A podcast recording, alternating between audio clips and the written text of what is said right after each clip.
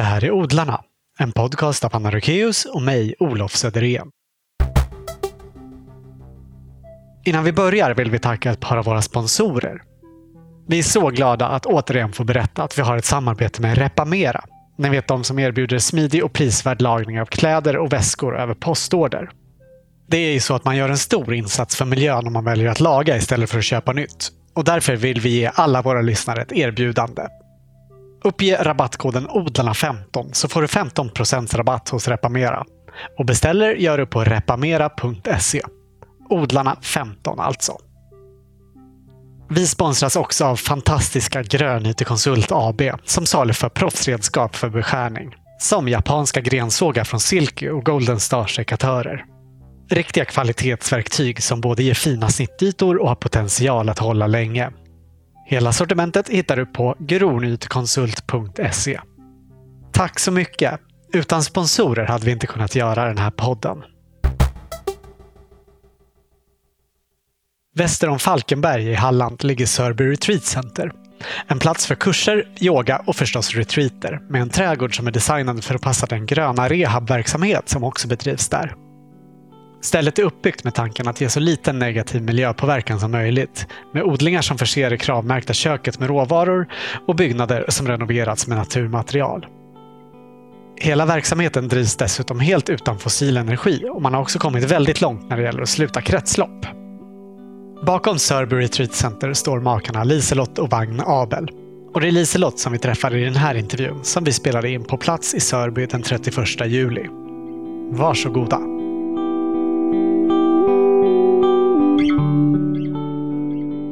Vill du börja med att berätta vad Sörby Retreat Center är? Mm. Eh, Sörby Retreat Center är ju en plats för eh, många olika saker. Eh, Vår ambition har hela tiden varit att vi vill bedriva grön rehab här. Och det var viktigt för oss också att bygga upp hela stället så att det var så miljövänligt och så hållbart som möjligt. Så att vi driver det helt fossilfritt idag.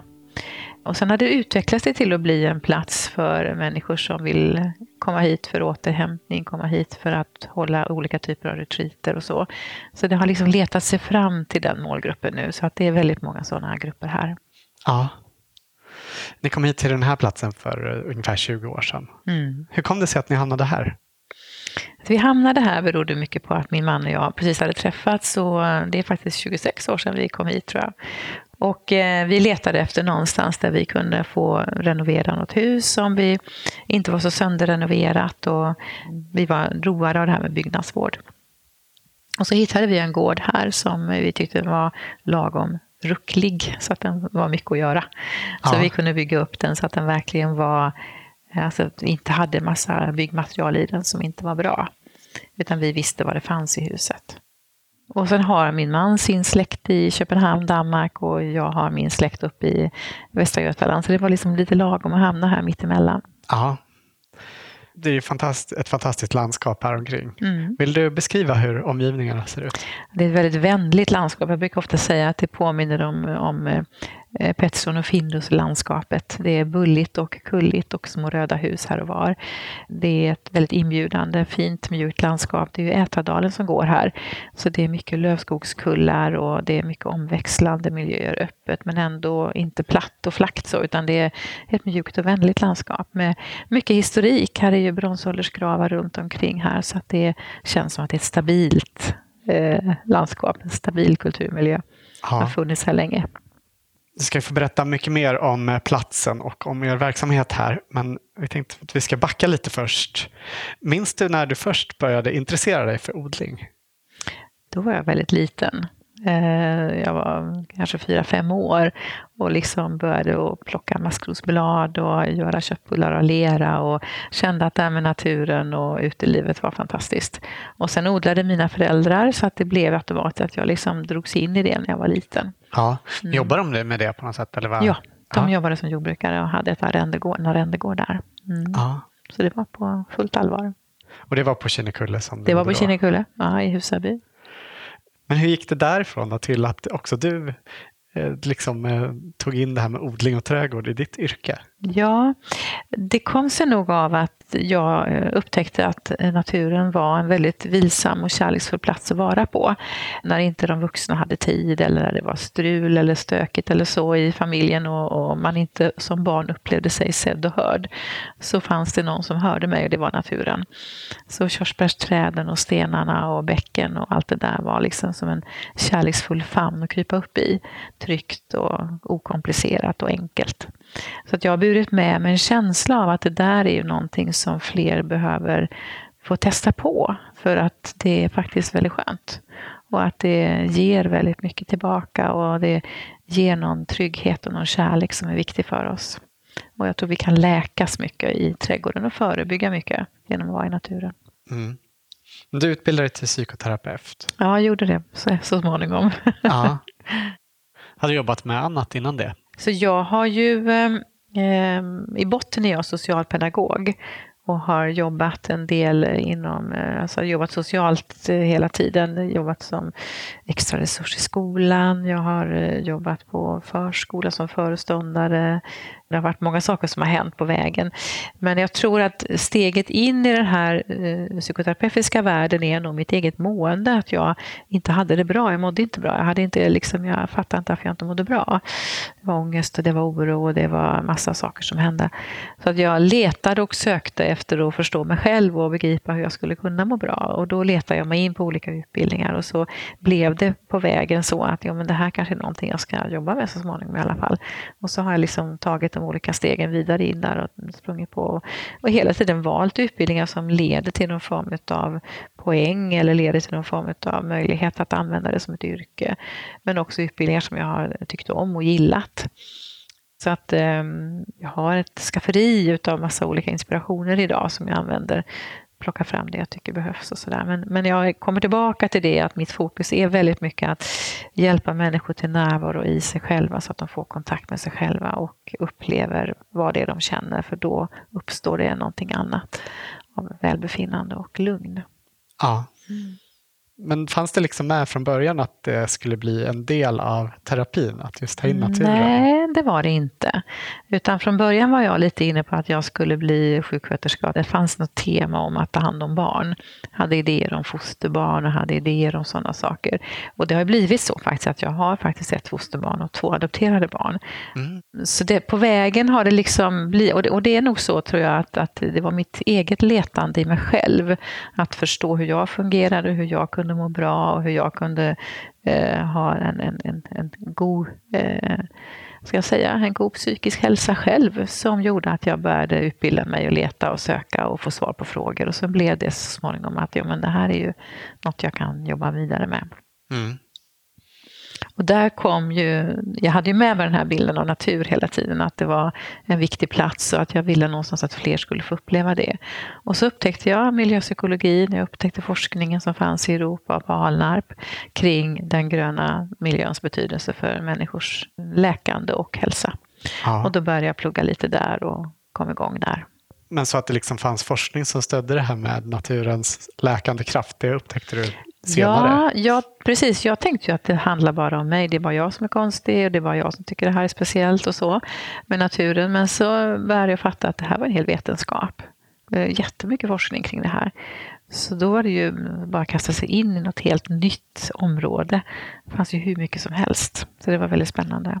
Mm. Och plötsligt så blev det här liksom något verkligt och riktigt och så. Så då, då var vi väldigt taggade för att bygga upp verksamheten kring det här med trädgården och verksamheten. Och vi sökte pengar för att starta grupper och så där. Så vi var väldigt taggade där, ungefär 2005 tror jag. Ja, det tog några år efter ni hade kommit hit till att ni ja, satte igång. Ja, det gjorde det. Alltså jag har alltid jobbat mycket med grupper utomhus, gjort vandringar, haft walking talkande, matlagning och sånt här. Liksom försökt jobba mycket utomhus överhuvudtaget. Och det handlar om att jag själv mår så bra att vara ute. Jag har svårt att eh, stänga in mig själv i ett rum. Jag eh, jobbade ju en del som sjuksköterska, alltså vikarie på sjukhus innan jag började utbilda mig. Och ehm, då vet jag att det var ett tillfälle när jag jobbade en sommar där på en väldigt tung avdelning. Nej, men jag ska inte gå mellan fyra väggar inomhus. Det här är inte mitt liv. Jag ska vara ute. Och så började jag spinna lite grann på hur jag skulle kunna bygga ett liv där jag får vara ute mycket. Och då blev det så här att jag har sakta men säkert hittat den här gården och den här verksamheten. Mm. Du sa ju att ni har försökt göra verksamheten och eh, platsen här så miljövänlig som möjligt och att eh, ni är oberoende av fossila bränslen. Mm. Eh, har du alltid varit engagerad i miljöfrågor? Mm, det har jag verkligen varit. Eh, och, det har att göra med att jag som barn då hittade en väldigt stark kärlek och allians med naturen som blev min livgivande kontakt på något sätt. Och när jag sen då som barn upptäckte hur de vuxna bar sig åt. Jag minns speciellt väldigt tydligt en gång vi var ute och hälsade på mina morföräldrar i Göteborgs skärgård. Och så skulle vi åka med några släktingar ut och bada på någon ö och köpa glass och sådär. Och så när vi kom långt ut i skärgården, ut mot Vinga där, så kastade de vuxna i sina soppåsar i havet. Mm. Och då kunde jag känna liksom hur jag knöt mina händer, fyra, fem år, och bara kände att det här är inte okej. Okay, det här är inte okej. Okay. Jag kan fortfarande känna den här arga lilla tjejen som, som bara kände att det här är inte okej. Okay. Men jag vågar inte säga någonting och jag är snäll och söt och här ska vi inte bråka och de vuxna vet nog vad de gör. Och, men det här är så fel. Och sen dess har jag varit en arg aktivist. Mm. så det har funnits med mig hela tiden. Du verkar inte så arg. eh, när förändrades det här så att du vågade säga till om saker? Det var väl när jag började liksom eh, som eh, ja, 20-årsåldern kanske sådär. Eh, eller kanske lite senare. Ja, jag blev nog mer politisk aktivist sådär 2025 tror jag. Jag började komma in i fältbiologerna och började engagera mig i kärnkraftsfrågan och gick in i olika Miljöförbundet och Naturskyddsföreningen och var med i mycket sådana olika föreningar. Började engagera mig politiskt och sådär. Så att det kom där mm. någonstans runt 25 och uppåt. Jag vet att ni håller kurser här också i non-violent communication. Mm. Och det känns ju som att det är väldigt användbart just eh, när man vill vara lite aktivist. Det är det. Vill du berätta lite kort om vad det är? Nonviolent communication som förkortas NVC kallas också för giraffspråk. Och det är ju en, ehm, ett förhållningssätt kan man säga. Det är ett ganska omvälvande eh, förändring på vår syn. Eh, det är Marshall Rosenberg som har grundat det och han var fascinerad just över det här att vi hamnar i konflikter med människor som leder till bråk och som leder till krig. Så för honom var det ett fredsarbete det han gjorde. Och han omprövade då eh, de tankarna vi traditionellt har om att värdera oss själva och andra med att saker och ting är rätt och fel. För han menar på att det är där konflikterna byggs. Till att istället prata om vad är det för behov som ligger bakom mina, mina önskemål eller ligger bakom mina beteenden eller ligger bakom mina krav som jag har. Man till exempel ber någon att eh, du måste förstå att du måste prata högre, begriper du väl? Så är det ett behov av mig att jag verkligen vill höra vad du säger. Men jag uttrycker det på ett lite anklagande sätt, vilket mm. inte är så kul att höra. Men om jag istället lär mig att uttrycka det som att jag är så himla glad för att höra vad du säger och jag hör lite dåligt, kan du prata lite högre? Så blir det ett vänligare språk där jag lyfter in mitt behov som anledning till att jag önskar någonting från dig. Ja. Så när jag kommer från mina behov, i min önskan, när jag önskar något från omgivningen så är det lättare att ta emot. Än om jag kommer med ett, ett krav eller en, ett an, anklagande eller en, ett ja, demand, vad heter det på svenska? Ja, ett krav. Ehm, att nu vill jag att du ändrar på det, för det du gör är inte okej. Okay. Så det handlar väldigt mycket om att, att människor är okej okay och vi kan uttrycka våra behov och önskemål till varandra. Ja. Det känns ju svårt tycker jag. Alltså särskilt just när man tänker på miljöproblematik och sådär kanske. Att... Alltså det är en träning i att sluta tänka rätt och fel och börja ja. tänka behov hela tiden fråga sig själv vad är det för behov nu som, som det handlar om hos mig. Vad kan det vara för behov hos den här personen som är där? En träning på att vara empatisk mot sig själv, mot, empatisk mot andra. Så det, det är en träning och därför, det är det jag menar med att det är ett omvälvande, en omvälvande förändring. Mm. Det är liksom ingenting man gör sådär quick fix utan det, det kräver lång kräver tid träning. och träning. Ja, det gör det. Ja. För du ska programmera om dig kan du ge ett exempel på hur man kan göra det liksom på ett konstruktivt sätt? Alltså om, man, om vi tar extremfallet att man möter någon som är klimatförnekare till exempel. Mm. Liksom, hur kan man använda sig av det för att kommunicera på ett bra sätt? Mm. Jag vet inte om jag har något rätt svar på det, men jag kan reflektera kring det lite grann i att jag tänker att eh, en person som förnekar klimatförändringarna gör ju det av någon anledning. Och det kan ju vara att det kan väcka för mycket oro, för mycket sorg att erkänna att det är som det är. Det kan ju också vara så att den personen är så eh, Alltså den är så nöjd med sitt liv och vill inte förändra det. Det kan ju vara att den personen upplever att det blir väldigt otryggt och den personen vill verkligen ha trygghet i att hålla fast vid det som alltid har varit. Så jag tänker att det kan finnas många sådana anledningar till att de håller fast vid den uppfattningen, den ståndpunkten. Det enda jag kan göra är väl att jag kan uttrycka min oro över att det, det som händer händer och att jag kan uttrycka min... Eh, alltså jag kan bara säga att vi, vi tycker väldigt olika du och jag och det är okej. Okay. Men för mig är det här väldigt viktigt och det här väljer jag att göra för att jag, jag är övertygad om det. Mm. Och ibland är det ju så att vi har inte samma uppfattning, vi är inte överens. Men det behöver inte innebära att vi ska vara ovänner eller det ska inte innebära att vi ska hamna i ett krig utan vi får mer någonstans acceptera. Samtidigt är det ju också så att det väcker mycket sorg i mig att fler människor förnekar och inte är villiga att förändra sitt sätt att leva. Och det är en sorg jag behöver ta hand om i mig själv. Sörja, skriva, måla eller prata med andra människor om det. Så att inte min sorg blir att jag fördömer folk och kritiserar folk för då är jag ju tillbaks där igen. Mm. Så det handlar väldigt, väldigt mycket om att ta hand om mitt eget eh, mående, min egen smärta, mitt eget sorg över att det ser ut som det gör och att det finns allt för många människor som inte tar det på allvar. Mm. Men det känns som en svår gräns just att man ändå ska säga vad man tycker men utan att vara dömande eller kritisera. Ja, alltså, och, det, och någonstans är det väldigt viktigt, tänker jag. Det är lite finlir där. Att inte bli anklagande och dömande, för då har jag ju varit eh, språkligt eller verbalt eh, våldsam, kan man ju säga, när jag tänker negativt om folk. Utan det handlar ju mer om att stå upp Eh, rakt och ärligt. Jag tycker Greta Thunberg är en fin förebild på det. Ja, jag vet att Där ni också är engagerade i att stötta Ja, Fridays vi har stöttat henne genom att eh, liksom bli aktiva i det här Fridays for Future eh, nätverket där vi då samlas en dag i veckan på torget i Falkenberg och bara träffas på torget och står och pratar och umgås och känner gemenskap. Och ibland gör vi lite större grejer så. Mm.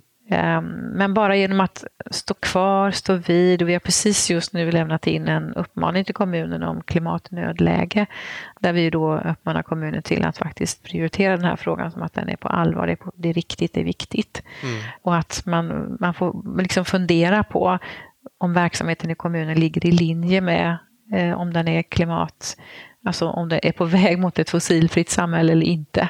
Och det finns ju många saker man kan fundera där på, tänker jag, med, med eh, motorsporter och massa olika aktiviteter som innebär att man, man producerar ännu mer koldioxid till den här planeten. Visar kommunen något intresse för det ni gör här? För jag det, här, det här stället är ju verkligen ett positivt exempel. Ja, vi har ju fått eh, kommunens miljöpris och vi har ju fått eh, ett hållbarhetspris eh, också av organisationen Företagarna. Och jag gick in och blev ordförande i Företagarna för något år sedan och funderade lite grann på varför jag gjorde det. Jag var lite förvånad själv över att jag nappade på det faktiskt. Mm. Men så insåg jag liksom att nej, men det, det, jag vill ge det ett par år för att se om jag i den positionen kan påverka hållbart företagande. Så att nu sitter vi precis och syr ihop en, en frukostmöte som ska bli i september. Där vi ska liksom uh, kicka igång och försöka få med oss företagen i Falkenberg på ett möte kring hållbarhet som konkurrensfördel. Att eh, idag är det viktigt att företagen faktiskt är uppdaterade och hänger med för att vara med och vara med på banan. För att mm. det krävs så mycket idag och det är många leverantörer och köpare som idag ställer de kraven. Och det är, liksom så. Och det, det är en viktig ansvarsfråga att gå före och visa vägen och ta ansvar för vår framtid och vår planet. Så att vi bjuder in tillsammans med kommunen och med Companium och med lite andra organisationer så bjuder vi in till ett frukostmöte som ska bli en kick-off där jag hoppas att vi ska få igång dialoggrupper. Så vi träffas sen och kanske pratar bara solenergi i någon grupp och vi pratar kanske paketering i någon grupp. Vi kanske pratar plast i någon grupp. Och så kan vi se lite hur vi kan stötta företagen i hur de kan ställa om sakta men säkert till en mer hållbar verksamhet. Så det är väl egentligen därför jag tog på mig den uppgiften att få sätta upp det på dagordningen. Ja, vi har ju varit inne på lite grann vad ni gör här, men ni har ju ganska många olika delar i den här verksamheten. Vill du berätta om de olika benen som ni står på? Ja, våran, våran eh, viktigaste eh, inriktning har ju från början varit att vara en, en inspiration för hållbarhet. Och det är vi ju genom att vi har en, ett kravcertifierat kök så att vi eh, serverar ju bara mat som kommer odlat härifrån eller som kommer från odlare i närheten men som har, i den mån det är möjligt, vi kan få tag på det, så är det ekologiskt. Eh, och att vi också bara har vegetarisk mat här. Och det var också ett statement att visa på att det går att äta grönt utan att det behöver vara alldeles jättetråkigt på tallriken utan att det kan vara ganska gott. Mm. Eh, så det har varit en viktig politisk handling för oss att eh, stället i sig är fossilfritt och vi har många kretslopp här från huset. Att vi serverar den vegetariska maten som är lokal och hållbar.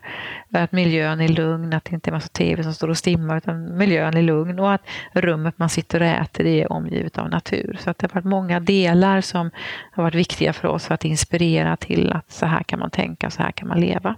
Mm. Sen har vi ju en verksamhet som vi också var väldigt eh, viktigt för oss att starta. Det var ju det här med grön rehab som vi tyckte var en viktig del och det tog ju 12 år för oss att komma fram till det. Med många möten med tjänstemän och konferenser och påverka politiker tills det då blir en motion och det blir en upphandling. Så det tog väldigt lång tid men vi jobbade stenhårt på att verkligen lyfta frågan här i Halland. Då bjöd vi in ehm, regionsråd ifrån Göteborg och regionsråd ifrån Skåne som hade börjat att pröva de här sakerna för att de skulle berätta vad är det som gör att man, eh, alltså hur kan man hålla på med något sånt här. Så Grön Rehab är nu igång och, och vi har ju det som en, en, en, del av vår verksamhet. Men för att få det här att gå ihop ekonomiskt var vi ju tvungna att titta på andra saker. Och då har det ju blivit att vi har hyrt ut rum här när folk har haft, behövt, behövt det och speciellt på sommaren så har vi haft mycket bed and breakfast här för att få in pengar. Men också att bjuda in grupper som vill hålla yogaretreater, meditationer och vi själva har retreater och utbildningar här. Så det, det handlat mycket om att skapa jobb hela tiden så att vi får inkomst till verksamheten. Och där är väl jag som har varit spindeln i nätet för det här på gården. Min man har ju självklart varit en viktig del i det här som har hållit mycket i ekonomin, bokföringen och försäkringar och inbetalningar och utbetalningar och liksom hålla koll på det. Men också jordbruket med, med fåren och hästarna och viss del också odlingarna. Så att han är ju absolut en jätteviktig del i det här.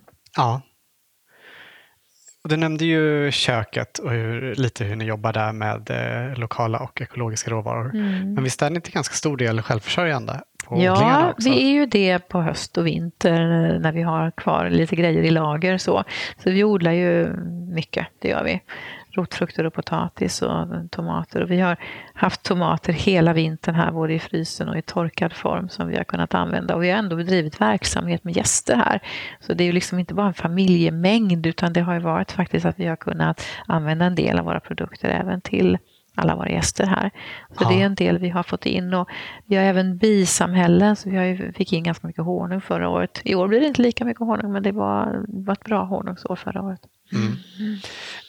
Läste att anläggningen också är en av de första certifierade slow foods-anläggningarna i Halland. Ja. Vill du berätta vad det innebär? Ja, slow food kom ju från Italien och eh, i Italien har man ju eh, ett eh, väldigt utvecklat småskaligt eh, odlings, odlingskultur kan man säga. Det, det, är oliver och det är eh, grönsaker och det är kött och det är vin och så. Och man är väldigt mån om den här mångfalden man har. Och sen så var det ett tillfälle när McDonalds ville etablera en restaurang i, i Rom. Och då sa man i Italien att vi vill inte att folk springer runt här och slänger grejer på gatorna och sådär. Vi vill inte ha något sånt här stort M här på huset. Utan vill de etablera sig här så får det vara en liten diskret skylt på väggen att man går in och så sitter man och äter. Och sen dök den här tanken upp att man ville ha något annat än fast food. Man ville ha slow food. Och sen bildades det en grupp och så började man jobba för det. Så det handlar mycket om mm, alltså, gastronomisk god mat, vällagad mat, mat som kommer från lokal, den lokala bygden och lokala producenterna. Och mat som har fått ta tid på sig liksom att få växa till och få skapa så att det inte är massa snabbgöd, alltså nu tänker sådana här broilerkycklingar som föds upp snabbt med ja. intensivt foder. Utan att det får ta lite tid eh, för både djur och växter att komma till. Så att det finns smak och att det finns en lokal förankring till det. Så där, där är grunden till slow food. Mm. Ni har också skrivit en bok som heter Omställning i köket. Vill du berätta om den? Mm, Precis. Det började nog egentligen med att, att många av de gästerna som kom hit och åt frågade om recepten. Mm. Och så började det liksom spira en tanke om att ska vi göra någonting kring det där. Och sen så kändes det också återigen som att nu hade vi ju chans att bli politiska igen då. För nu har vi varit politiska med själva gården och husen och bara att man kommer in här så, så finns det en sån anda. Så då blir det lite spännande att sitta ner och bara skriva lite grann om hur vi har gjort vår omställning här på gården och vad vi står för och tillfälle att sprida, sprida mer information och eh, påverka och ja, bara vara med som en inspiratör. Ja. Så det var ett spännande arbete och eh, lite praktiskt också. att eh, Här finns recepten, du kan köpa boken och, och sådär. Så, så det, det, var också lite praktiskt att kunna ordna det så. Och vi höll på ganska länge att ta bilder och skriva och ta bilder och skriva och så, men det var segt. Och så tänkte jag, men ja, det där kan jag nog fixa ikväll när jag kommer hem efter jobbet. Och så, men jag var ju alltid så trött. Så det gick ju inte. Så jag var tvungen att bestämma mig för att på den där eh, skördemässan, det datumet, ska boken vara klar och då behöver tryckeriet ha det det och så behöver det göra det och då behöver jag sätta mig tre dagar någonstans ihop med någon och så hjälps vi åt och så gör vi det klart. Liksom. Då händer det. Det hade inte varit klart idag om inte jag hade gjort så. Men det är en kokbok? Liksom. Det är en kokbok. Mm. Det är en kokbok som eh, beskriver mycket hur vi tänker om hållbarhet och att det går att vara alltså det har hela tiden varit viktigt för mig och för oss här att att hur kan vi inspirera fler människor till att ställa om till hållbarhet? Alltså hur kan vi få dem att ta steget in i att börja leva hållbart? Och då blev det här ytterligare en, ett steg, en, ett, en möjlighet. Mm. Genom att kunna berätta mycket om det i boken. Så att därför kändes det, blev den viktig. Och genom att bara titta på köket så kan du ju faktiskt göra väldigt mycket i köket. Genom ja. att du väljer den vegetariska maten och du väljer bort det vita mjölet och det vita sockret. Ja, maten är en väldigt stor del Jättestor av vår del. Men att du inte slänger massa vi... mat, att du har mycket lokalproducerat, mycket ekologiskt producerat. Ja. Det går att göra väldigt mycket i köket. Också jätteviktigt för den personliga hållbarheten. Ja, men det är det. Är eh, den här verksamheten med maten bara för gästerna som bor här eller är liksom, finns det en öppen ja, restaurang? Ja, i för... första hand är det för de grupperna som kommer hit och bor här och har verksamhet här med retreater och så. Vi har ju även haft vissa grupper som ringer och bokar och sådär, men vi har inte riktigt orkat marknadsföra den delen och ingen av oss har velat ha den typen av jobb att stå mycket med maten. Så eh, hade vi haft någon kock här som liksom gillar det här att bara hålla på med maten och så, så kunde man mycket väl kört igång någon lunchservering en eller två gånger i veckan. Eh, jag tror att det skulle bli bra om man bara byggde upp det. Mm. Att folk vet att här kan man åka och äta lunch och här kan man åka och fika och sådär. Men ska det vara någon som har det som sin lilla tårtbit att pyssla med. För att eh, vi har för många bollar. Vi har för många bollar som hoppar runt. Mm. Mm. Men är det fler än, än du och din man som jobbar i verksamheten? Det är jag och min man som jobbar här och sen har vi haft eh, volontärer här. Vi har haft en viss hjälp av en av våra döttrar. Vi har tidvis haft eh, människor anställda här på deltid. Så det har växlat lite. Mm. Men eh, det är vi som drar lasset kan man säga. Ja. Mm. Ursäkta avbrottet, men odlarna har ytterligare en sponsor som jag vill tacka och det är Hasselfors Garden. I deras sortiment finns bland annat min personliga favorit biokol som hjälper till att binda näring i jorden så att växterna kan ta upp den successivt under lång tid. Samtidigt gör jorden luckor och bidrar till att hålla den jämnt fuktig. Så här på hösten är det till exempel jättebra att använda vid plantering av buskar och träd. Eller till att blanda i jord till sådder som har långa kulturtider, som perenner som ska stå över vintern. På så sätt finns det näring kvar i jorden till våren när tillväxten sätter igång. Stort tack Hasselfors för att ni är med och gör den här podcasten möjlig. Vi måste ju prata om hur det ser ut här på gården. För det har ju hänt en hel del sedan ni kom hit då för 26 år sedan. Mm. Eh, för det första så bor ni inte i samma hus längre. Vi har gjort en liten förändring där för att eh, eh, när barnen kom och var små så hade vi ju det större mangårdshuset där som familjens hus och sen så var det en av våra döttrar som ville flytta tillbaka hem efter hon hade pluggat lite. Och då insåg min man och jag att eh, det funkar inte att bo i samma hus när hon har börjat att bli självständig och stor. Vi kan ju inte bråka om frukostmulor med henne, det går ju inte. Nej. Så då sa vi, nu flyttar vi ut härifrån och så flyttade vi in i ett, en liten bostad som är på 25 kvadratmeter som vi har i ett uthus som vi har använt som gäststuga innan. Och jag kände också att jag ville inte ha så mycket att sköta. Jag ville minimalisera mig, jag ville ha det smått. Ja. Så vi har levt några år där nu på 25 kvadrat och så har hon fått bo i det stora huset. Eh, men nu är vi lite sådär inne på att vi ska göra ordning, eh, andra våningen där så att vi får lite mer utrymme. För vi märker att någon vill lägga sig tidigt, någon vill sitta uppe lite längre och vi stör varandra och sådär. Så det skulle vara skönt att ha lite mer utrymme. Så vi ska bygga ett, ett sovrum på andra våningen där nu. Ja. Men det är väldigt skönt att inte ha så mycket att sköta. Och det är väldigt kul att kunna ha det här generationsboendet och vi har våra privata liv. Men så ibland så ska vi grilla ikväll, ska vi äta mat ihop ikväll, ska vi spela lite kort ikväll och så samlas vi. Och det är ju så enkelt och smidigt att ha varandra så nära. Och, och sen har min dotter blivit mer och mer intresserad av odling. Hon har inte varit det innan men nu har hon blivit det. Ja. Så hon gillar att ha trädgårdsdagar och ibland vill hon ha sällskap och så är vi tillsammans och samodlar där och, och driver upp plantor på våren tillsammans och hjälps åt och binder upp tomaterna i hennes växthus. Och, och hon vill gärna visa runt att nu är kikärtorna stora och nu är palmkålen fin och sådär. Så hon, hon har verkligen upptäckt att trädgården är en väldigt fin återhämtning för henne att gå runt där och lyssna på någon bra talbok och pyssla om sina små vänner där i trädgården. Hon, är, hon gillar det jättemycket. Ja, roligt. Sen så finns det ju fler byggnader på gården. Till exempel det här huset som vi sitter i nu, där Ja, själva verksamheten precis. är. Det, den gården vi kom till först eh, var ju en gård där det bodde en ungkarl och han hade inga barn. Så han hade då styckat av sin gård efter husknuten i princip så här. Så innan vi verkligen köpte det så förvissade vi oss om att vi kunde köpa tillbaka lite mark från grannen. Vilket inte var helt enkelt eftersom man köper, man, man köper sällan, man säljer sällan jord, liksom mark. Det är, ju, liksom, det är ju någonting viktigt som man ska behålla. Men vi fick loss lite mark. Så vi märkte att vi kunde få en liten trädgård runt huset. Ja. Men vi fastnade för att huset var så orenoverat och så gammalt så att vi kunde verkligen göra, göra det till vår, vårt hus och verkligen bygga in de ekologiska eh, mm, lösningarna som vi ville ha där. Mm. Eh, Men när den här gården som vi sitter på nu blev ledig år 2000 så kom de som ägde den till oss och sa kan inte ni köpa den här av oss? Och den ligger alldeles intill. Den ligger alldeles intill, ja. Och den här, det var ett stort ställe då, jag tror det var på 20 hektar och vi sa att det är alldeles för mycket för oss. Vi hade precis adopterat barn och vi stod mitt i en husrenovering och sa inte så mycket mark, vi klarar inte det. Men hur det blev så blev det här en avstyckning så att vi fick eh, åtta hektar och så fick vi alla husen här i byn.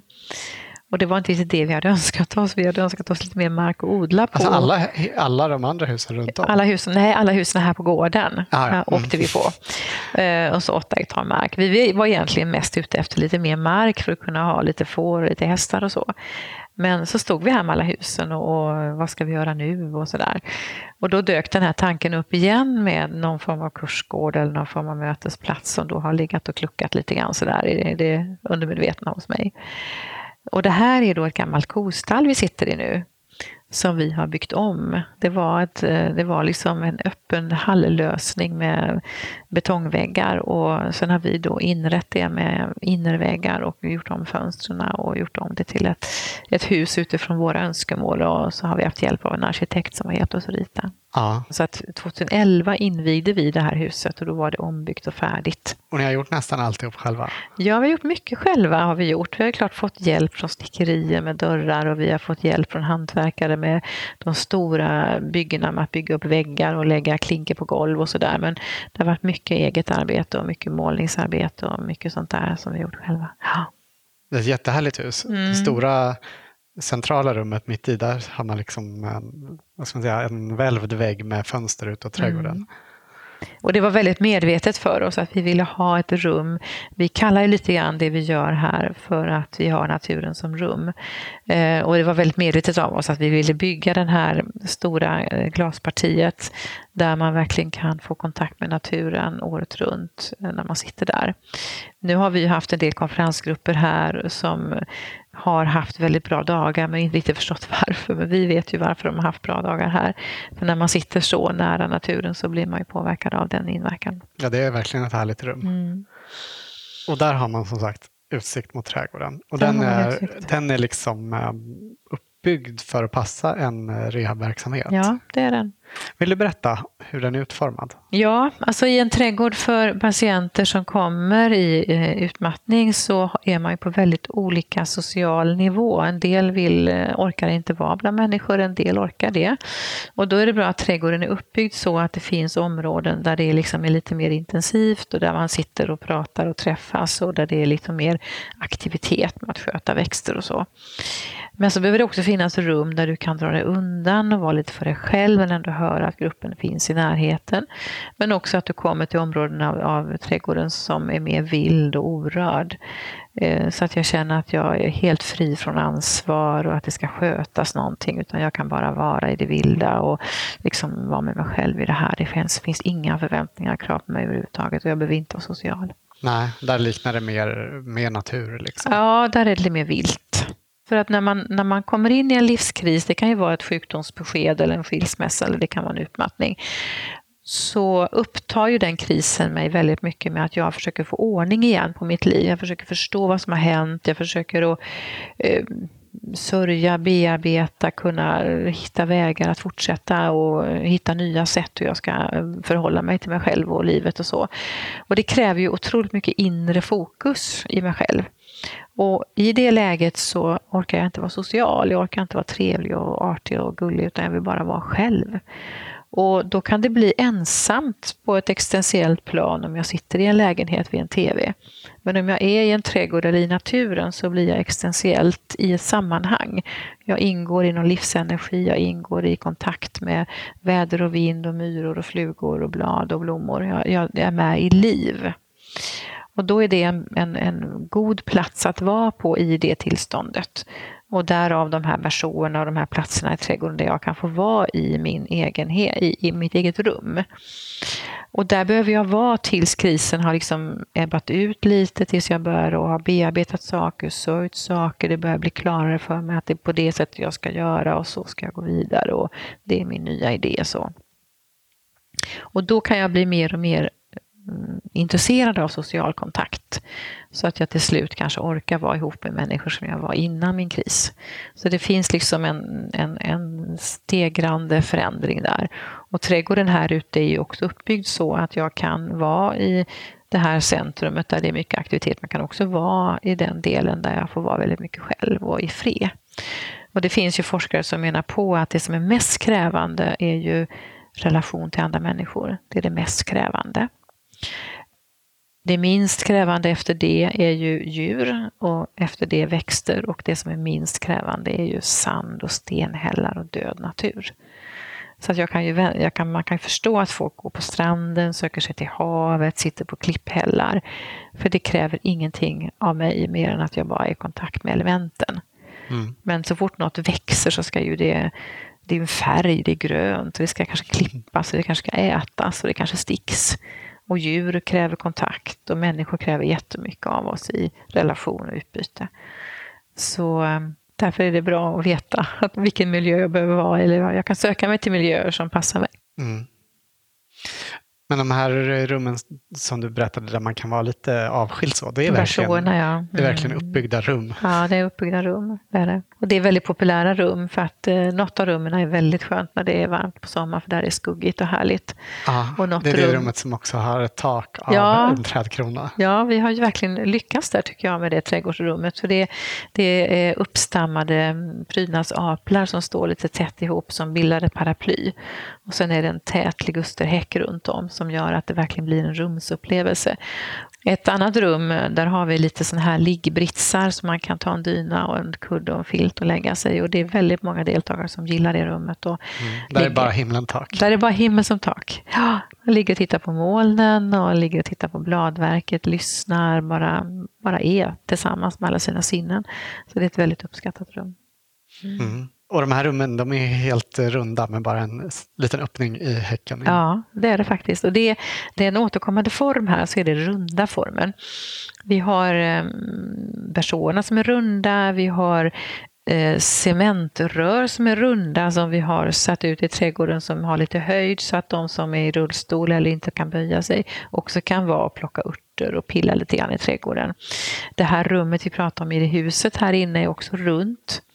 Vi har en urin, gammal urintank som står här ute sen gården var jordbruk som också är rund. Och där är vår tanke att vi ska bygga ett yogarum så att vi ska kunna ha yoga och konferenser i det rummet men kunna använda den nuvarande matsalen bara som matsal och, umgängesrum. Ah, ja, så där man tidigare hade flytande gödsel, där, där ska det där ska bli ett yogarum, är vår tanke. Ja. ja. Och det är också ett runt rum. Bra att det kan få ny användning. Ja, att det kan få ny användning. Mm. Finns det någon särskild tanke just med den här runda formen? Jag tror vi gillar den runda formen. Alltså, och så det är lite något annat. Jag, jag tror också det kommer lite grann från inspiration från antroposofin och sådär. Liksom att det är runda rum där, där kan energin röra sig på ett annat sätt än i de här fyrkantiga där det blir hörn och sådär. Så det, det är någon sån tanke som har funnits med. Det är inte så jättegenomtänkt men vi har tyckt om de här runda formerna. Vi har också två rum här inne i huset som också är byggda runda. Ett litet sovrum och en toalett som vi har byggt runda med återvunnen tegelsten. Mm. Och sen har ni ju ett par växthus. Mm. Det första vi byggde var ett glasväxthus på 50 kvadrat eh, och det har vi ju byggt för att eh, både kunna ha som en samlingsrum och det är väldigt skönt att vara där när det är somrigt och varmt för eh, vinet som växer där inne skuggar ganska bra så att det blir inte överhettat in utan det är ganska skönt där. Just nu dignar det av både persikor och vindruvor där mm. Det är ett vi jättefint rum. Ja, det är ett fint rum och där odlar vi vin som klättrar och där odlar vi persikor och så har vi lite tomater och sånt som växer där också. Men vi vill mest ha den ytan för att kunna vara och sitta i och kunna ha yoga och så i det rummet. Så det är ett härligt rum. Väldigt fint att sitta där och ha måltider och fester och middagar och musik och café och sånt där. Ja. Och det andra växthuset är mer Ja, det byggde vi ihop med våra grannar. Det är ett bågväxthus som vi hittade som ett begagnat som vi satte upp. Och det var nog i första hand för att vi ville kunna odla lite mera tomater och chili och sånt men också för att vi har haft så mycket sniglar här. Så vi tänkte att om vi bygger ett sånt växthus och liksom har koll på inflödet in i odlingarna så kanske vi kan komma ifrån de här sniglarna. Aha, har så det, det var funkat? Mycket, ja, det har funkat delvis tycker jag. Men de är ju där inne också, men inte i den mängden som utanför. Nej. Men det har ju blivit ett växthus där vi odlar aubergine och chili och tomater och gurka och nu har jag vattenampumpar där som är monsterstor. Den väller ut och tar så mycket plats. Mm. Men också att man eh, kan ta den här första liksom första sådden i, i eh, mars utav morötter och rödbetor som man kan få upp ganska snabbt och den första salladen kommer där och sen så sätter man i nya planter. Men också så är det roligt med vinterodling så jag brukar göra ordning så att jag har eh, odlingslådor där inne som jag sätter en extra eh, fiberduk över så att det finns ett skydd till. Mm. Och då såg jag då i december någonting så såg jag ganska mycket frön eller november. Och så ligger de där och är startklara och en del har kommit upp så de har klarat sig över vintern. Så januari, vi hade, förra året hade vi gröna blad hela året faktiskt. Mm, härligt. Mm, mm. Och sen finns det lite odlingsplatser utomhus. Ja, det gör det. Utspridda mm. Lite över överallt. Ja. Ja.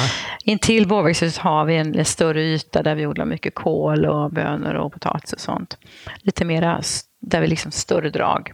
Sen har vi lite olika områden runt om här i, i trädgårdarna som vi odlar olika saker i så att det är lite utspritt. Och, och det kan vara bra också att man har nära till saker, liksom att nu har jag de här jordgubbarna nära här och sådär. Så att det, det är en fördel med det också. Mm. Ja. Och sen har jag experimenterat lite med odling efter skogsträdgårdsprincip mm. också. Det är ju så att jag tror ju, jag tror ju väldigt mycket på att jag tänker att framtidens odling är just att hålla på mycket med permakultur på olika sätt och även skogsträdgård. Så vi hade en kurs här för några år sedan där vi anlade lite olika öar av, eh, utifrån det tänket så att man samodlar väldigt tätt så att man inte får så mycket ogräs. Mm. Så där samodlar vi mycket bärbuskar, hassel, och olika typer av eh, fruktträd. Det har varit persikor och det har varit fikon och lite olika. Mycket jordgubbar och smultron som marktäckning och sådär. Härligt. Ja, det är det. Så mer och mer försöker vi få in det här perma-tänket med att det är mycket återkommande växter och att det är mycket ätbart. Med sparris och jordgubbar och det finns ju mycket sånt man kan ha året om. Ja, väldigt mycket goda saker också. Ja, mycket goda saker. Mm. Eh, alldeles utanför det här eh, runda centrala rummet som vi pratade om så finns det också en stor damm. Mm, det gör det.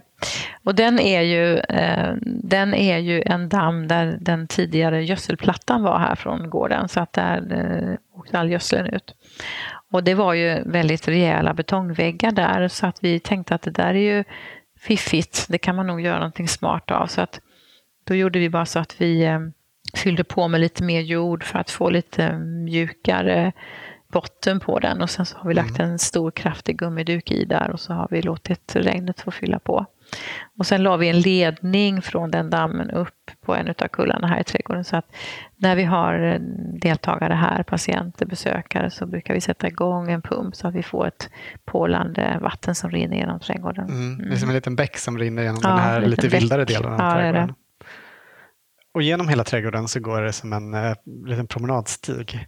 Ja, det finns eh, små gångar eh, på lite olika ställen i trädgården så du kan söka dig igenom och leta dig in. Och det märker vi när vi har Speciellt när vi har barn här som på besök så tycker de att det är så kul.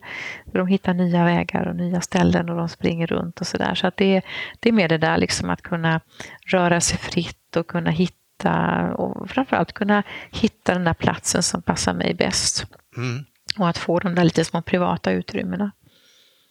Den här trädgården är ju inte byggd för att vara någon fantastisk botanisk skönhet så, utan den här trädgården är byggd för att fylla en funktion av att vara en, en, en plats där jag kan eh, vila, återhämta mig, hitta mina områden. För den är ju väldigt tänkt för att just ha till grön rehab. Men vi märker ju att alla besökare tycker om den och alla gillar att vara i den. Så att, eh, men, men har, det är inte tänkt att här skulle vara någon botanisk liksom, utställningsträdgård. Det har aldrig varit vår ambition. Nej, Utan det är, Nej men den är väldigt, eh, produktion, känns väldigt härlig att vara Ja, alltså det är produktion av grönsaker till viss del, frukt och bär, men också att uh, vara i, i för att återhämta sig.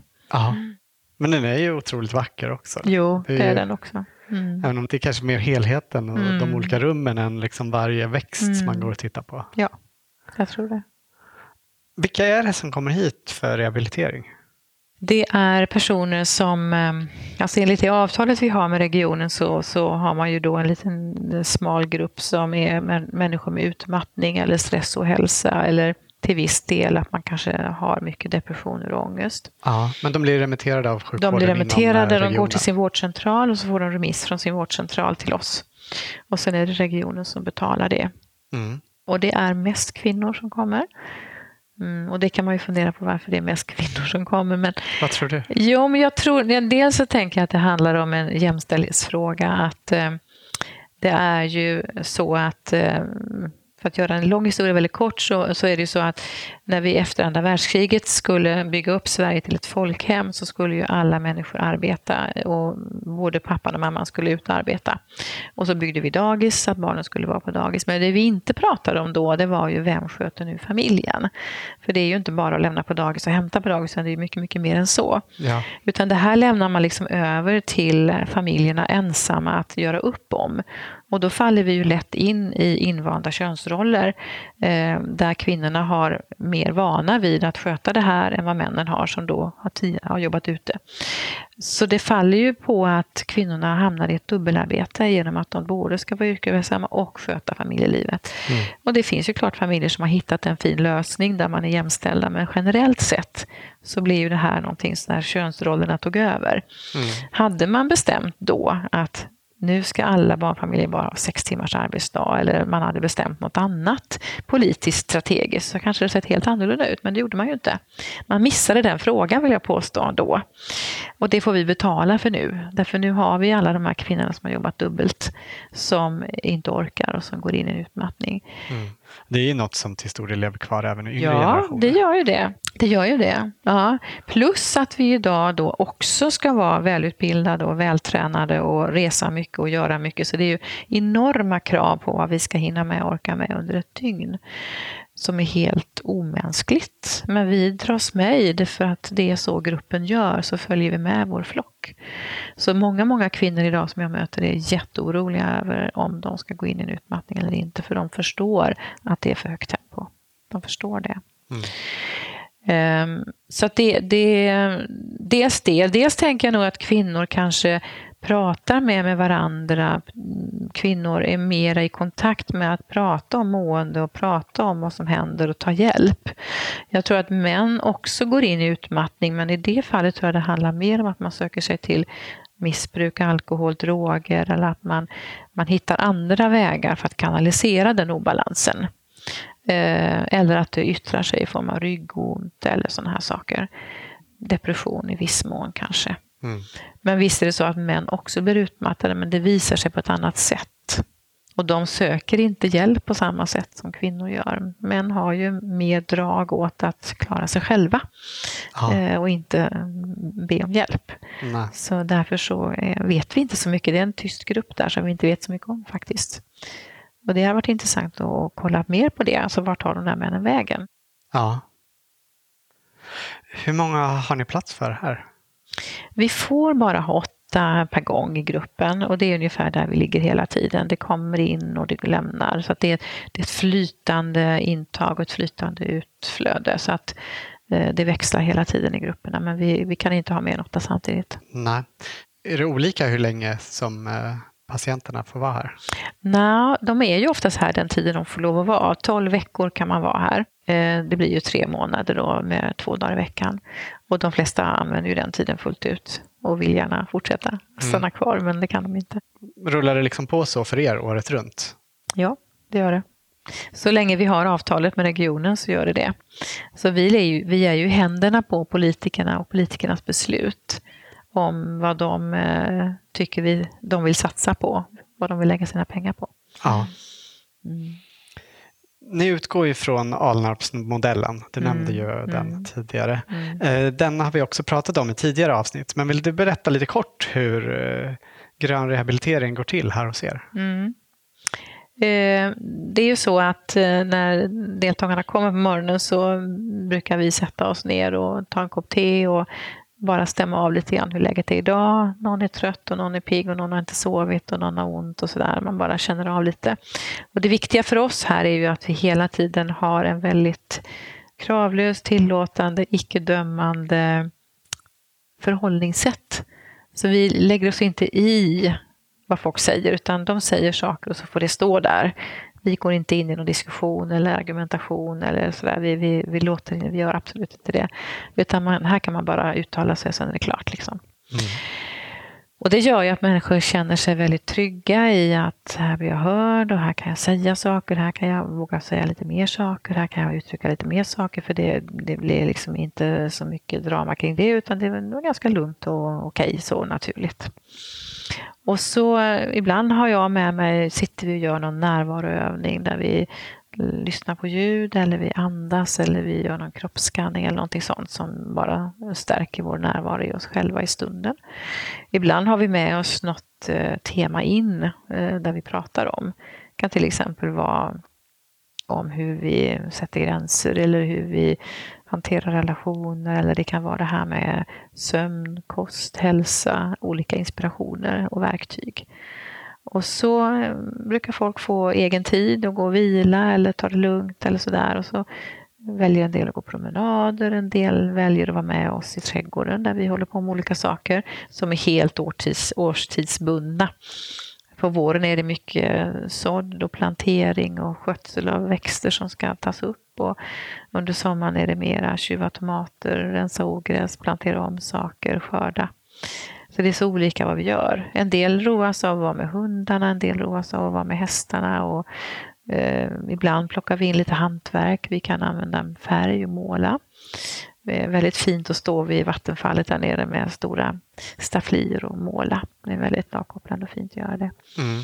Eller vi jobbar med lera ibland, vi jobbar med hantverk ibland. Och nu till exempel så har vi börjat att samla kap, göra kapris.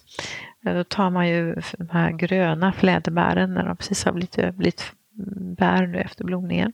Aha. Så pillar man bort dem ifrån den här grenen och så lägger man dem i salt och så lägger man dem i ättikslösning.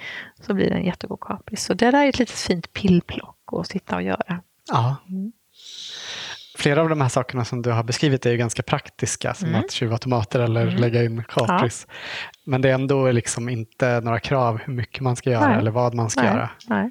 Utan man bara liksom, och det, det som är det fina med, med just eh, grön rehab i trädgårdsform så här är ju att det alltid finns någon syssla som alla kan göra.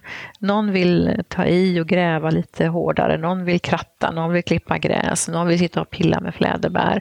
Så det är liksom, alla hittar någonting som de kan utföra eller göra. Och en del väljer att gå en promenad. En del väljer att lägga sig i bersån under en filt och vila. Och det är väldigt tillåtet. Man gör precis det man vill och man tar så mycket vila man behöver. Mm. Sen avslutar vi ju alltid dagen med att sätta oss runt matbordet och äta lunch och då är det ju alltid någon vegetarisk mat. Och, och då är det spännande för dem att få recept på det och de blir inspirerade att gå hem och göra den här maten hemma. Det är också vanligt tycker jag i den här gruppen att man orkar inte laga mat och man bryr sig inte och sådär. Så för dem är det väldigt härligt att få en lagad mat och ibland är de med och lagar mat och framförallt att få inspiration. Ja. Och sen avslutar vi dagen med att sitta och prata lite grann kring det här med vad jag har lärt mig idag, någonting jag uppskattar idag, någonting jag är tacksam för. Och det är en viktig del det där, för att när jag börjar tänka så om mig själv, uppskatta och vara tacksam och så här, så kommer man in i ett annat kretslopp i sig själv. Men den viktigaste medicinen och aktiviteten här det är ändå det här att ta sitt liggunderlag och gå ut och sätta sig någonstans i naturen. Och det brukar alla deltagare göra som en av sina första grejer, det är att leta upp en plats som de tycker om i trädgården eller ute i naturen som blir deras plats. Och så föreslår de att de går tillbaka till den platsen varje gång de är här. Eller i alla fall varannan gång de är här. Så den bästa medicinen att svälja det är att ta med sig liggunderlaget och gå ut och sätta sig där. Och när man sitter där på samma plats och känner igen trädkronorna och känner igen stenen och känner igen utsikten så blir jag lite mer avslappnad i det. Jag vet jag kommer hit, jag vet jag kommer tillbaka. Jag liksom vet, ja, jag känner till den här platsen nu. Och då sitter man där på sin plats och så börjar det uppstå en relation. Det uppstår en kärleksrelation där mellan naturen och den här personen. Och i det här så uppstår det också någon, någon relation i mig själv som person. Alltså det börjar, jag, som utmattad har jag ju väldigt lite kärlek till mig själv och väldigt lite kärlek till min omgivning. Jag är helt tömd på det. Jag har ju gett så mycket. Mm. Men då fyller naturen dig med kärlek om du bara sitter där. Så fylls du av kärlek. Och då börjar kärleken i dig själv också att spira lite.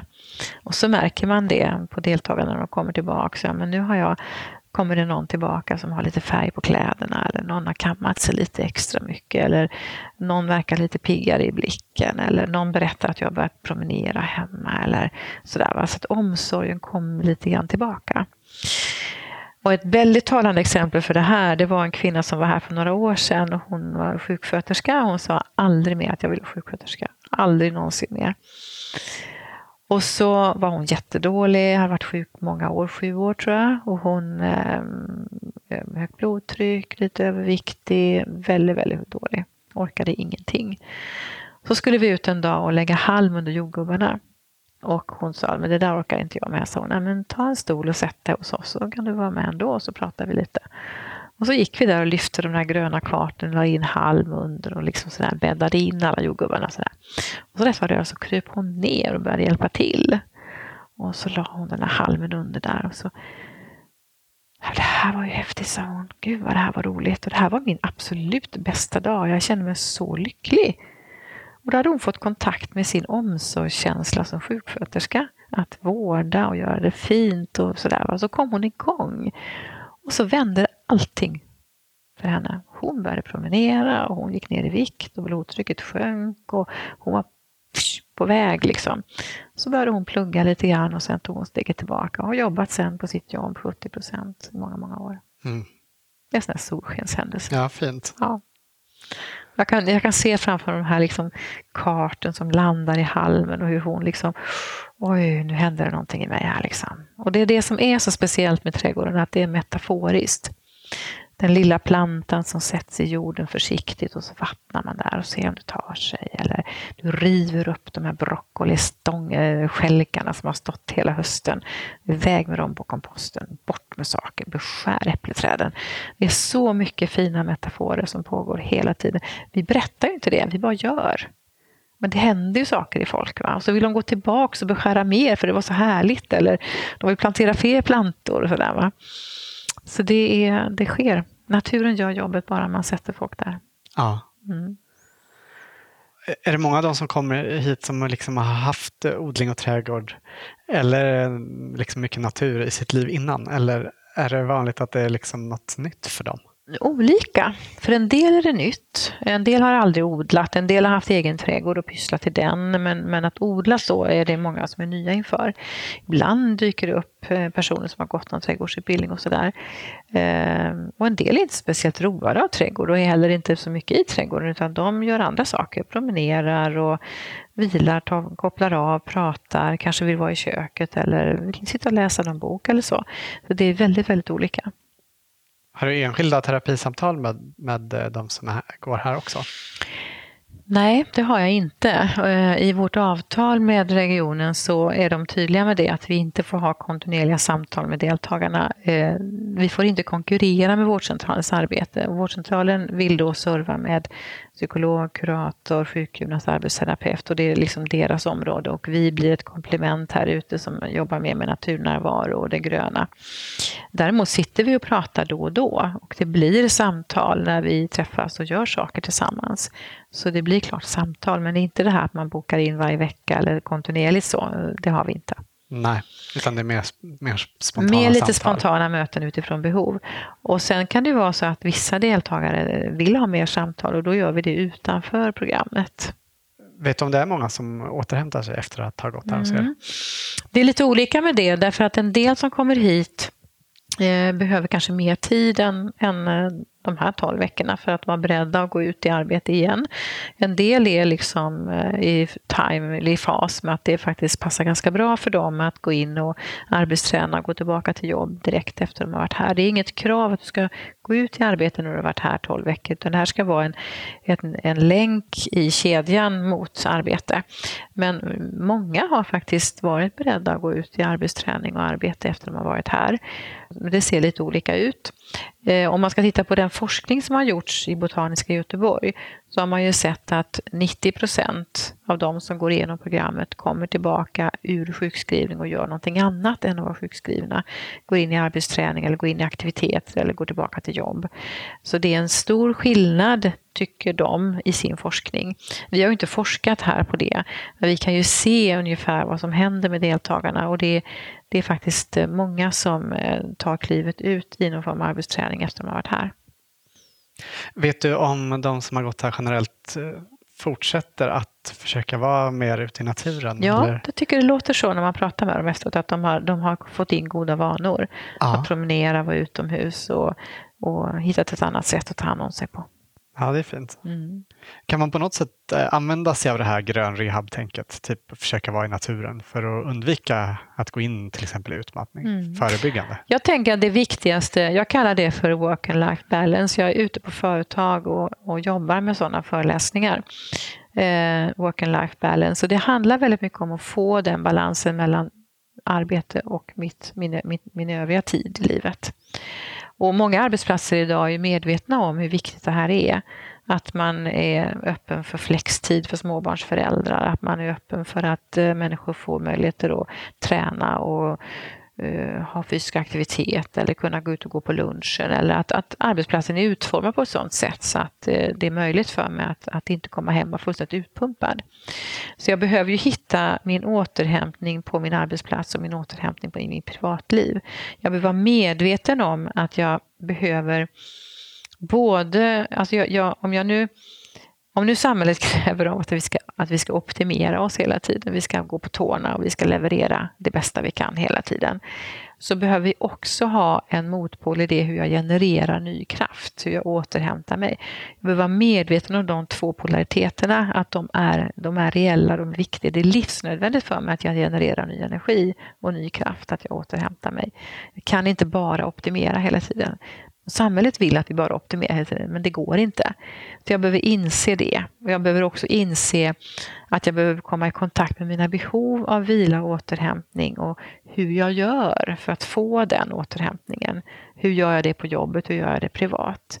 Det är det absolut viktigaste jag behöver veta för att inte bli utmattad. Annars är det svårt. Mm. Något annat som du pratade lite om här innan, det var liksom balansen mellan det materiella, det sociala och det existentiella. Mm. Eh, där känns det som att man verkligen måste ta ansvaret själv eh, för att inte bara hamna i det materiella, just för att mm. samhället driver på att man ska vara så produktiv mm. som möjligt hela tiden. Det där kommer ju från humanekologin och eh, eh, vårt samhälle är ju marknadsekonomiskt eh, och kapitalistiskt styrt. Vilket gör att det handlar om att sälja och tjäna pengar. Det är pengarna som är det viktiga. Ja. Och det är det som styr, det är det maskineri som styr våra liv.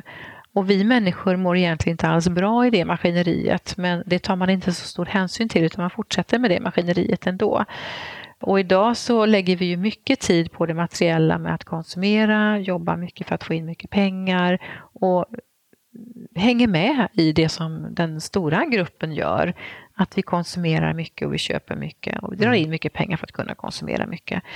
Det gör ju att den tiden vi lägger på, på det här med arbete, sköta om, sortera, slänga, köpa nytt, resa, fara runt, den tar ju nästan all vår vakna tid. Så att tiden för att vara i sociala sammanhang på ett avslappnat sätt eller vara i de existentiella dimensionerna med djupare möten med en teaterföreställning, djupare möten med en människa i samtal, djupare möten med naturen, djupare möten med mig själv.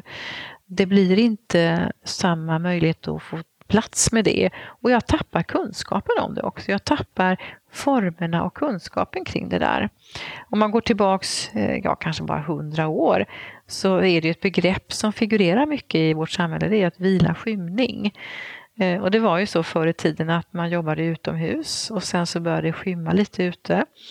Då gick man in för att börja sysslorna inomhus men det var fortfarande inte så mörkt inne så det var ekonomiskt att tända lamporna. Utan man väntade en stund tills det blev riktigt mörkt, då tände man lamporna. Och då satt man där och vilade skymning. Man satt en stund och bara pausade innan man gick igång med andra sysslor inne. Och vi hade liksom inte elektricitet eh, om man går tillbaks 150-200 år. Då var det naturligt att man gick i säng tidigare och gick upp. Ja, men det är liksom, naturen styrde på något sätt med de förutsättningar som fanns.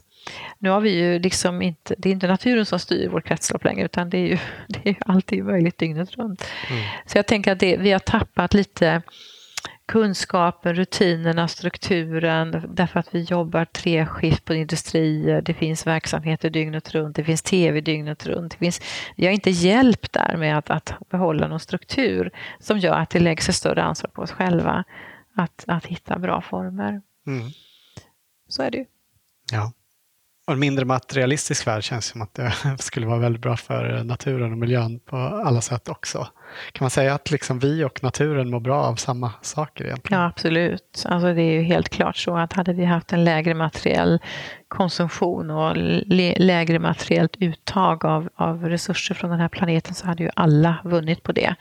Vi håller ju på att ta ut alldeles för mycket resurser från planeten vilket rubbar det ekologiska systemet. Och vi drunknar i sopor, vi drunknar i att vi inte får tid för något annat än prylar. Så absolut skulle det vara något vi alla skulle vinna på. Ja. Det kan kännas ganska tungt att det är så att samhället driver på just för en högre materiell standard hela tiden och att man själv måste ta ansvaret för att gå emot det. Vad tänker du att vi kan göra för att förändra hel, helheten? Jag tänker att det viktiga är liksom att samlas i, ihop med andra människor som tänker ungefär likadant. Och det är väl det som händer i Sverige nu, att det dyker upp mycket omställningsgrupper och dyker upp mycket ekobyar, dyker upp mycket communities som vill något annat. Här i Sörby så håller vi på med ett projekt som vi kallar för att leva på ett annat sätt där vi just nu söker pengar både hos Tillväxtverket och banken i stan och eh, Lider för att kunna få hjälp med att se hur vi kan skapa ett living community och ett working community. Där vi eh, ska tanke på att bygga hus och fler kan flytta hit, där vi kan odla tillsammans, göra saker ihop, vara tillsammans i gemenskap kring de värdena. Men också att kunna ha den här verksamheten kan leva kvar när vi går, vi har ju gått i pension nu och skulle egentligen sluta med det här. Mm. Eh, och, eh, men det, vi vill gärna se att någon annan kan ta vid och fortsätta den här verksamheten på något sätt med, den, med de värdena som finns idag. Eh, så vi försöker samla folk till att bilda sådana communities här just nu. Och jag tror det är så man kan göra, vara tillsammans med folk som har lite grann samma uppfattning som jag när det gäller hållbarhet och när det gäller att ställa om till ett samhälle där vi inte behöver lika mycket saker utan vi kan ha mer tid till att vara tillsammans, tid att göra saker själv, odla, och ha mycket mer självhushållning och så. Och det är mm. på gång, alltså att det växer i Sverige. Det är fler och fler grupper som samlas på det sättet. Och jag tänker att det är det vi kan göra. Ja. Skapa ett gott liv med de värdena som är viktiga för mig. Ja. Jag håller med om att man mår ju bra av att liksom ha människor omkring sig som tänker lite likadant. Mm. Men man kan ju också i det hamna liksom ganska långt ifrån verkligheten, att man liksom hamnar i en filterbubbla. Så. Mm. Man tror att alla tänker som man mm. själv för att många omkring en gör det, men mm. det är ju inte riktigt så. Nej, det behöver man vara medveten om. Att det här är ett, eh, ett, en form av sätt att leva, men där ute finns det helt andra sätt att leva så att man inte blir chockad. För så är det ju. Ja. Man blir ju förvånad över hur människor väljer att göra. Mm. Men du nämnde också här innan att ni är eh, kanske 40 personer eller däromkring i Omställning Falkenberg. Mm. Vi har ju ett community som, som träffas eh, lite löst sådär, men, men vi har en gemensam Facebook-sida och kommunicerar där. Och en hel del av oss ses också när vi samlas på torget för att vara med i det här FFF. Men så finns det en liten communitygrupp här i Sörby som vill utveckla de här sakerna jag pratade om innan med boende och arbete. Så det är ett litet gäng på en åtta personer som är här. Så det finns lite olika sådana grupperingar. Mm. Du nämnde ju att hela anläggningen här drivs fossilfritt. Vilka energislag använder det? Vi har ju, på det här huset här har vi solfångare som ger oss varmvatten hela solperioden. Eh, och när vi inte har sol här så har vi ju ehm, pelletspanna och vi kan också elda med ved där. Sen har vi ju eh, gått in och ehm, skaffat oss eh, grön el så vi, vi ser ju till att det är vindkraftsel vi får. Och vi har också andelar i vindkraftverk så vi, vi producerar mer el än vad vi gör av med så vi säljer också el till nätet. Och sen har vi solceller på ett tak här i byn också som vi också säljer el ifrån för vi använder inte all den elen som vi producerar där. Och sen har vi kakelugnar och braskaminer och sånt som man kan ha som komplement om man behöver värma. Ja, och bilarna går på fossilfria bränslen också? De går på biogas, ja. ja. Mm. Finns det fler konkreta exempel på saker ni har gjort för att göra, för att göra hela anläggningen hållbar? Jag tänker nog på det här huset, när vi byggde om det så var vi ju noga med att hitta bra material. Vi hade ju renoverat hus tidigare så vi hade lite koll på det. Men vi använde ju ekofiber i, som isolering. Det är ju gamla tidningar som är söndermalda som man kan ha som isolering. Utvändigt här så la vi faktiskt linisolering på huset innan vi satte upp eh, träfodringen på det. Aha. varit måna om att försöka ha så mycket naturmaterial som möjligt, trä och tegel. Och färgerna här inne är ju en färg som vi köper på ett företag i Göteborg som är en blandning mellan linoljefärg och limfärg som heter emulsionsfärg. Som mm. är helt okej. Just det här rummet är det vitt tak och vita väggar, ja. förutom en eh, putsad vägg som har en mm. fin röd färg. Precis. Det är också en sån emulsionsfärg som vi har brutit fram i någon form av engelskt rött. Väldigt vilsamma färger. Mm. En sak som vi ofta har tagit upp i odlarna det är ju det ohållbara i hur vi behandlar vårt avlopp. Eh, men här vet jag att ni har en lösning där, där ni faktiskt renar ert avloppsvatten själva. Exakt, vi har ju varit måna om att, att ha kretslopp nära på gården så att vi liksom själva behåller det vi lämnar här. Så vi har urinseparering på de flesta toaletterna här i huset vilket gör att vi samlar urinen i stora tankar.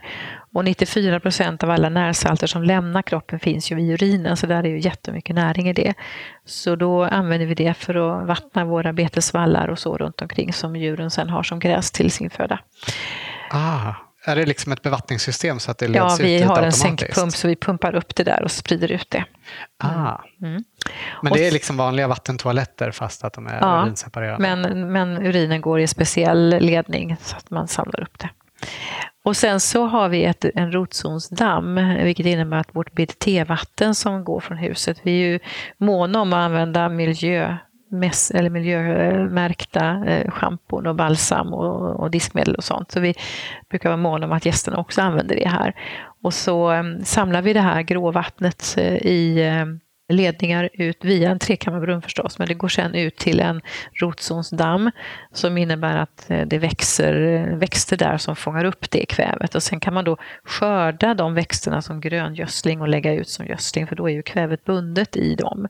Sen går det vidare till en biodamm och vilar där en liten stund innan det går ut vidare i bäcken. Och där är det rent vatten som kommer ut? Ja, rent och rent, men det går ut i det biologiska systemet och renas väl ytterligare ännu mer liksom av eh, sol och ja, eh, omlopp och så. Mm. Ja. Och djuren äter då det här gräset. Eh, tar ni sen tillvara djurens gödsel ja, använder i odlingarna? vi gödslar här i odlingarna med både hönsgödsel och fårgödsel och hästgödsel. Ja. Så det går, det går runt i omlopp och det är ju samma med avfallet. Så det blir verkligen ett Ja, det här är ett kretslopp. kretslopp. Ja, det är det. Och sen är det ju mycket av trädgårdsavfallet som går till kompost som kommer tillbaka ut på odlingarna. Alla äggskalen från maten och serveringen här går ju tillbaka till hönshuset till hönsen för de behöver ju kalk. Så att vi försöker verkligen att ha cirkulation på grejerna så att de liksom åter används igen. Ja. Det här är ju en plats dit folk kommer för att återhämta sig från stress och utmattning. Mm. Men eh, hur är det för dig som har ansvar för gården? Lever du som du lär eller känns det mm. ofta stressigt eller motigt? Jag känner inte att det är stressigt och motigt. Det finns tillfällen när det hettar till. Någon dubbelbokning som vi inte riktigt fattade att vi hade gjort eller det kom fler gäster eller vi var för dåligt eh, förberedda eller det saknas någonting eller så. Visst är det så. Men nej, jag upplever nog att, eh, att jag eh, jag gillar ju det jag gör, jag tycker om det jag gör. Utan det, det är nog mer att det finns en viss frustration över att jag skulle vilja... Ja, frustrationen ligger nog i att, att jag vill mer än jag har tid med. Liksom. Men den är inte, den är inte krävd, alltså det är inte någonting som jag mår dåligt av. Men jag kan liksom gå med längtan över, men tänk om jag får sitta de där sitta en eftermiddag och ta tag i det där, vad kul det skulle vara. Eller, nu, nu, jag kan längta efter att nu skulle jag vilja vara i växthuset en hel dag och bara röja rejält så att eh, verkligen göra det grundligt. Så jag kan längta efter att, vad det än handlar om, så kan jag längta efter att göra det grundligt. Och göra det, eh, göra det lugnt, i lugnt tempo och göra det grundligt, det kan jag längta efter. Och jag har sådana dagar. Ja. Jag har sådana dagar när jag vet att idag har jag ingenting inbokat på något håll. Jag kan gå här och skrota i trädgården och göra precis det som jag tycker är det mest nödvändiga och jag behöver inte ha bråttom. Det är helt underbart. Men jag är ganska bra på att inte se allt det där som inte blir gjort. Jag kan gå förbi det hela tiden. Och, ja, ja visst, nej, men det får vara, det får vänta. Mm, jag är på väg där. Mm. Så att jag är ganska bra på att fokusera och ganska bra på att ha skygglappar. Det verkar skönt, för det är lätt att fastna i att ja. man har en massa måsten som ja. står i vägen för det där som man nej. vill göra egentligen. Nej, jag, jag tycker att det funkar bra faktiskt. Skönt. Mm. Du var ju inne på tidigare att det till stor del var ditt, ditt eget mående som gjorde att du sökte dig till olika utbildningar som i sin mm. tur ledde fram till det du gör idag. Ja. Eh, blev du själv hjälpt av att komma in på den här vägen? Men så mitt eget mående har ju eh, eh, Framför allt så är det nog mycket att jag har haft en stark inre kritiker med mig som har kritiserat mig för allt jag har gjort och inte gjort. Den har jag ju blivit vän med kan jag säga. Jag har blivit vän med den och förstått vad den vill mig. Den vill egentligen bara hjälpa mig. Eh, men den har jag fått mest hjälp av, tror jag, via eh, non-value communication och zen-coaching. Att någonstans eh, utforska vad den är, vad den står för, vad den vill och, och så vidare. Va? Och, och en hel del städjobb mentalt bakåt så där i relation till massa olika människor. Det är ju oftast pappa och mamma som ligger bakom det mesta i livet. Ju. Så eh, när jag väl lärde mig att verkligen eh, se, eh, se min mamma som en positiv person och se hennes fördelar och se vad hon verkligen står för och vad hon, hon har faktiskt gett mig mitt liv och uppskatta henne för det, så har systemet lugnat sig tycker jag i mig. Så efterhand så har jag mått bättre och bättre och bättre kan man säga. Så jag, jag, vill nog påstå att det här med att hålla på med grön rehab har väl varit en av de viktigaste stegen i mitt liv och det andra viktiga steget har väl varit just det här att jag har blivit vän med min inre kritiker. Mm. Skönt. Är det någonting mer som du tycker att vi borde prata om innan vi slutar? Alltså jag tänker lite grann på det här vi pratade om non-violent communication där. Ja. Så tänker jag att eh, människors mående tänker jag lite på. så. För vi pratar mycket om att människor mår dåligt och eh, alltså det ökar med psykisk ohälsa och sådär. Och jag tänker att dels har det att göra med att vi inte får så mycket existentiella dimensioner och kvaliteter i våra liv som vi faktiskt behöver ha.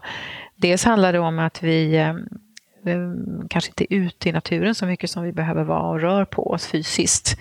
Det var ett väldigt bra sommarpratprogram här i sommar med Anders Hansen, en psykiatriker, som pratade mycket om det här med, med just att röra på sig och vara utomhus och så, att det har så stor betydelse för vår psykiska hälsa. Men det handlar också om, tänker jag, det här att våga vara i kontakt med mina känslor och våga vara i kontakt med hur jag mår och våga uttrycka det. Och där finns det mycket kvar att göra, att skapa tillåtelse och acceptans för att det är okej okay att man uttrycker sin ledsnad och sin smärta och sin sorg. Att det faktiskt är så att om jag kan vara närvarande och uppleva min känsla så transformeras den till ett lugn.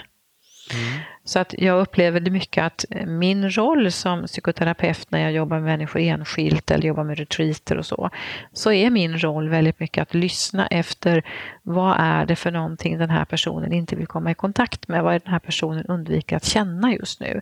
Och se hur jag varsamt kan stödja den personen till att stanna kvar och utforska var i kroppen känner du ledsnare och sitter i magen. Okej, kan du stanna i magen?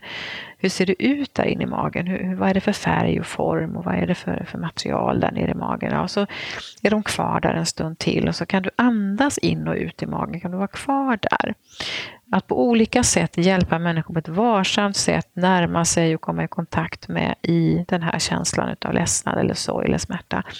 Och så i bästa fall så kommer de i kontakt med så att de också kan uttrycka det i form av en ledsnad med tårar eller en smärta eller vad det kan vara. Men att vara kvar där så länge som möjligt då händer en transformation och då släpper någonting och då lättar någonting. Så jag tänker att generellt sett i, i livet att, att hela tiden vara väldigt positiv till att känslorna är våra bästa vänner och de behöver jag liksom ge plats och utrymme. Och jag brukar säga det att man, man håller dem som ett barn i knät. Du får sitta här en stund ledsnaden. Du får sitta här en stund sorgen. Du får sitta här en stund besvikelsen. Det är okej att det tar tid. Du får sitta här en stund. Mm. Och när vi gör det så sker det någonting i oss. Och det tänker jag är viktigt. Och det, det är det jag tror jag vill fokusera mest på framåt. Att jobba mer som terapeut, jobba mer med retreater och grupper och utbildningar. Och mycket, mycket mindre med det praktiska arbetet här på gården. Eh, det känns som att det är det jag vill ägna de närmsta 10-15 åren till. Ja. Mm. Vi har en liten tradition i Odlarna att vara medverkande brukar få avsluta med att ge sitt bästa odlingstips. Har du något sånt att dela med dig av?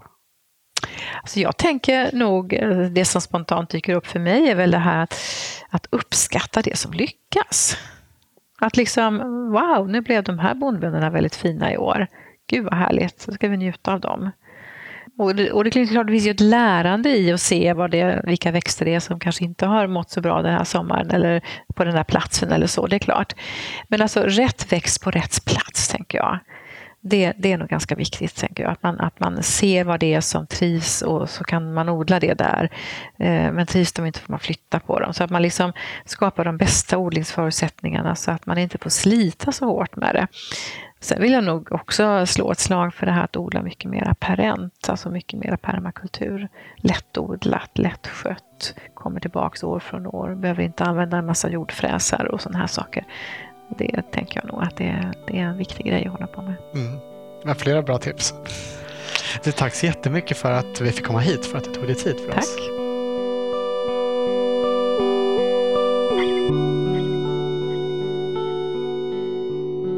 Du har hört Liselott Abel i Odlarna. Blev du sugen på att besöka Sörby Retreat Center så kolla in deras webbsida sorbyretreatcenter.com. Där finns information om deras olika aktiviteter och kurser.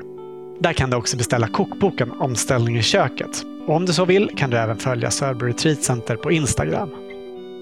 Vill du höra mer om det här med grön rehabilitering så kan vi också rekommendera ett gammalt avsnitt av Odlarna, nämligen nummer 41 med Lena Benjegård från Gröna Rehab i Göteborgs Botaniska trädgård. Stort tack för att du lyssnat och tack än en gång till våra sponsorer som möjliggör den här podden. Repamera, Grön IT-konsult och Hasselfors Garden. Producent för Odlarna är Anna Rökeus. Jag heter Olof Söderén. Vill du följa oss kan du göra det på Instagram under namnet Spenatistan. Och Spenatistan heter också den odlingsbok vi skrivit. Ha det bra! Hej då!